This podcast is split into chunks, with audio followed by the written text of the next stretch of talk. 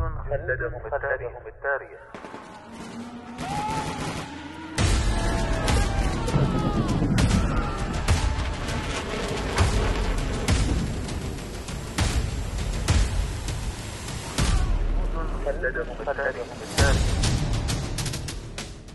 كم يفخر التاريخ العسكري برجال كتبوا سيرهم في سجلاته بحروف من الجهد والتضحية والعطاء. فبقت أسماؤهم خالدة باقية مثالا لمعنى الجندية التي دبت خطواتها كل شبر من أرض الوطن. جنود خلدهم التاريخ.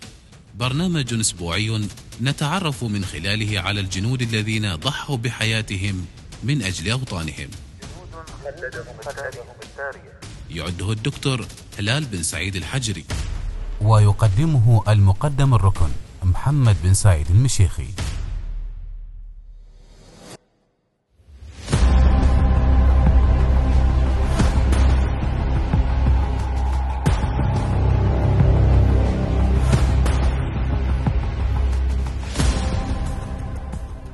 جنود خلدهم التاريخ.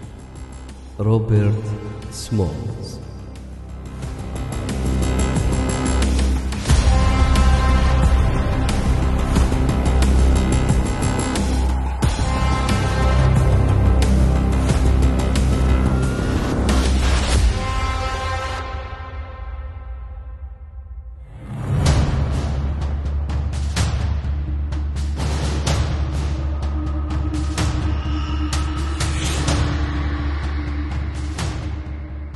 في عام 1862 سرق روبرت سمولز سفينة كونفدرالية وأعطاها لجيش الاتحاد وحرر العبيد.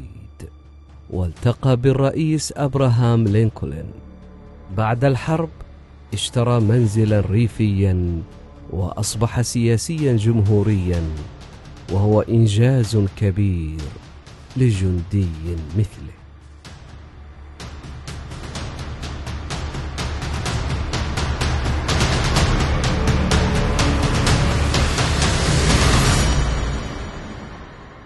ولد سمولز في الخامس من أبريل من عام 1839 في بوفورت بولاية ساوث كارولينا لأم زنجية اسمها ليديا بوليت.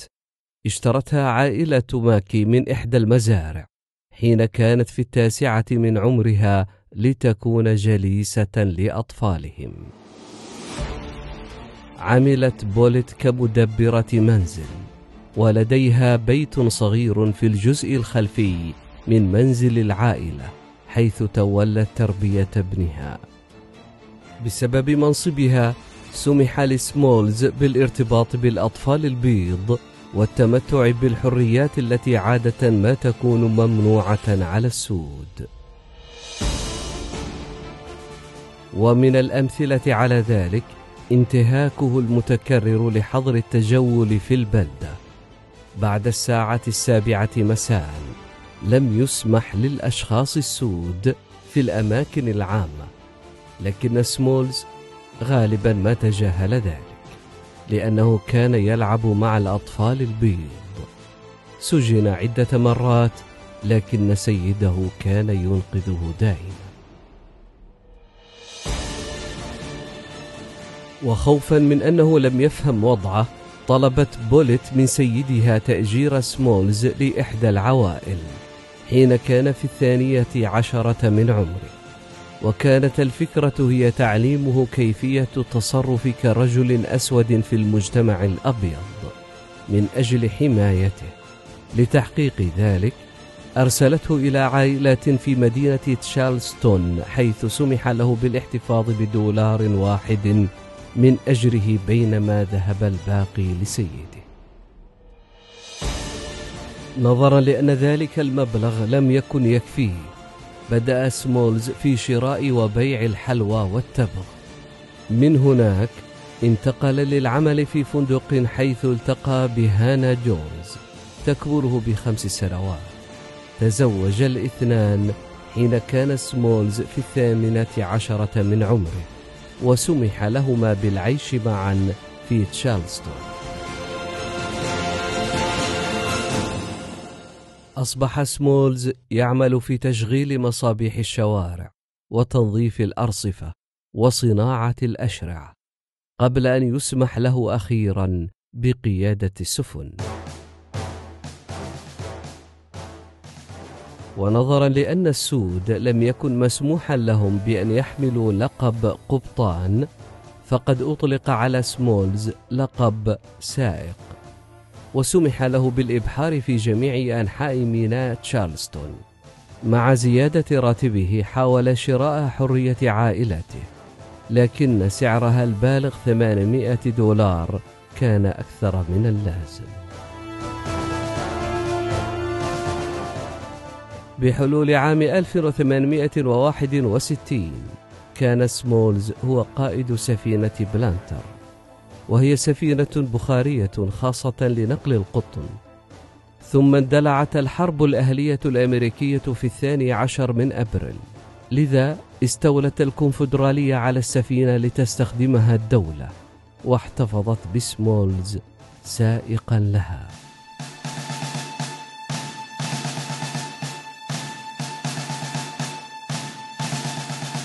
في الثالث عشر من مايو من عام 1862 أخذ سمولز مكانه في التاريخ.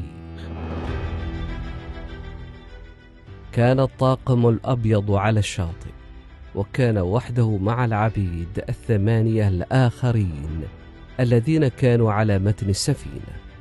كانوا يخططون للهروب واغتنموا فرصتهم في حوالي الساعة الثالثة صباحا. ارتدى سمولز زي القبطان ولبس قبعة من القش كما يفعل القباطنة وخرج من رصيف الميناء الجنوبي إلى مكان قريب لالتقاط عائلته والعبيد الآخرين.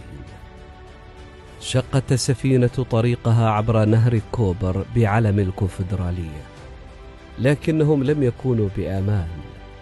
كانت هناك خمسة حصون تحرس الممر المائي. وفي الظلام لم يتمكن أي من الحراس من رؤية لون بشرة سمولز فقد غطى على ذلك زيه وقبعته. لحسن حظه كان يعرف رموز الإشارات البخارية التي يجب أن يعطيها أثناء مروره على كل حصن. لذلك لم يتحداه أحد. مروا بآخر المعاقل وهو حصن سمتر حوالي الساعة الرابعة والثلاثين دقيقة صباحا. وبمجرد أن تجاوزوا نطاق مدفع الحصن أنزل سمولز علم الكونفدرالية ورفع راية بيضاء أثناء توجهه مباشرة إلى الأسطول الأمريكي الذي حاصر الميناء.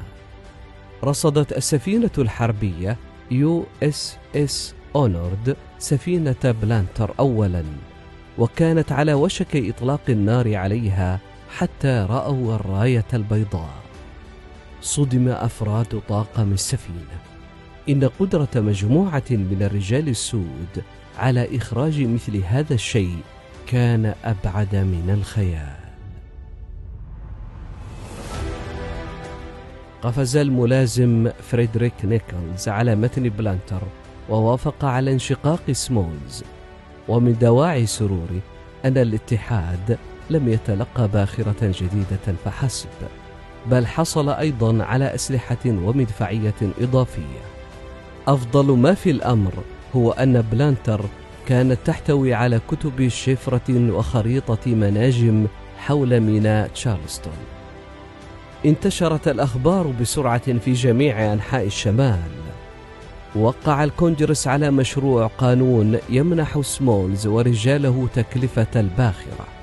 بلغت حصة سمولز 1500 دولار. كما أنه حظي بلقاء الرئيس لينكولن الذي سأله لماذا يجرؤ رجل أسود على مثل هذا الشيء؟ وقد أجاب سمولز بكلمة واحدة فقط الحرية.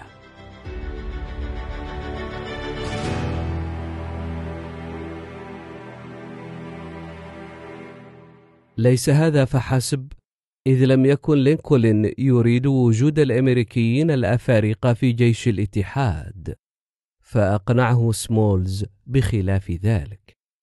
وكانت النتيجة فوج كارولينا الجنوبية المكون من خمسة آلاف أمريكي من أصل أفريقي تحت قيادة الجنرالات البيض أصبح سمولز قائد السفينة يو إس إس كيوكوك التي تضررت أثناء الهجوم الفاشل على حصن سمتر في أبريل من عام 1863 وفي الأول من ديسمبر من ذلك العام دخلت كيوكوك في مناوشة مع البحرية الكونفدرالية. أراد القبطان الاستسلام لكن سمولز كان يعلم أنه والطاقم الأسود الآخر سيواجهون الإعدام. لتجنب ذلك تولى القيادة وأخذ السفينة إلى بر الأمان. لشجاعته عين قبطانا للسفينة بلانتر. وبذلك كان أول أمريكي من أصل أفريقي يحمل هذا اللقب. بعد الحرب عاد سمولز إلى بلدته بوفورت واشترى منزل سيده السابق ونقل عائلته ووالدته إليه.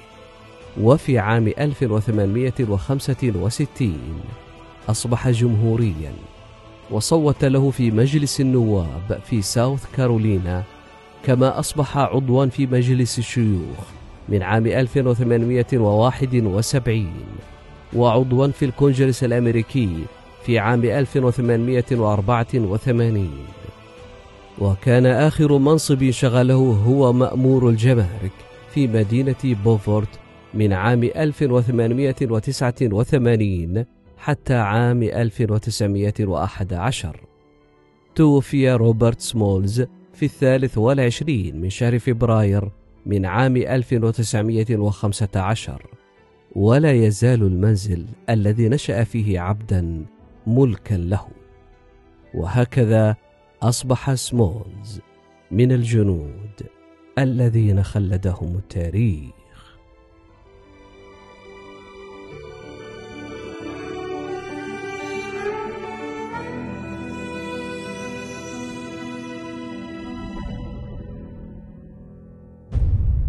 جنود خلدهم التاريخ.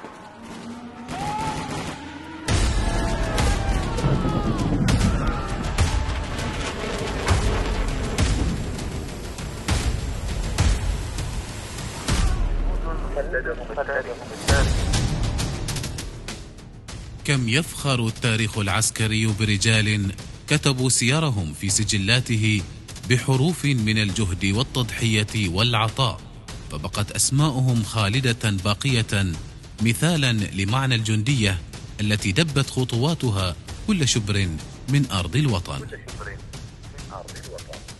جنود خلدهم التاريخ. برنامج أسبوعي نتعرف من خلاله على الجنود الذين ضحوا بحياتهم من